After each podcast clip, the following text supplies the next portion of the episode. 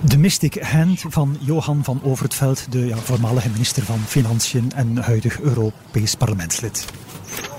Het boek zelf dan gaat eigenlijk over centraal bankieren in de afgelopen 100 jaar. Het begint eigenlijk met een terugblik op de grote depressie. De Amerikaanse centrale bank heeft in de jaren 30 eigenlijk fouten gemaakt. En dat heeft eigenlijk mee ja, de grote depressie van de jaren 30 veroorzaakt. Sindsdien, de centrale bankiers hebben daar lessen uitgetrokken. De vraag is natuurlijk, gaan ze nu niet, niet te ver in de omgekeerde richting? Dat is een beetje toch de boodschap van het boek.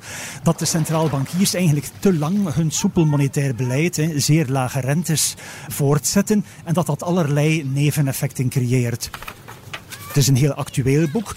Uh, er staan ook af en toe wel wat anekdotes in. Dus Johan van Overtveld is minister van Financiën geweest. Ja, hij ligt soms wat tipjes van de sluier over zijn gesprekken die hij heeft gehad met Mario Draghi, met, met bankiers. Het boek is in het Engels, dus uh, de eerste zin is dan ook in het Engels.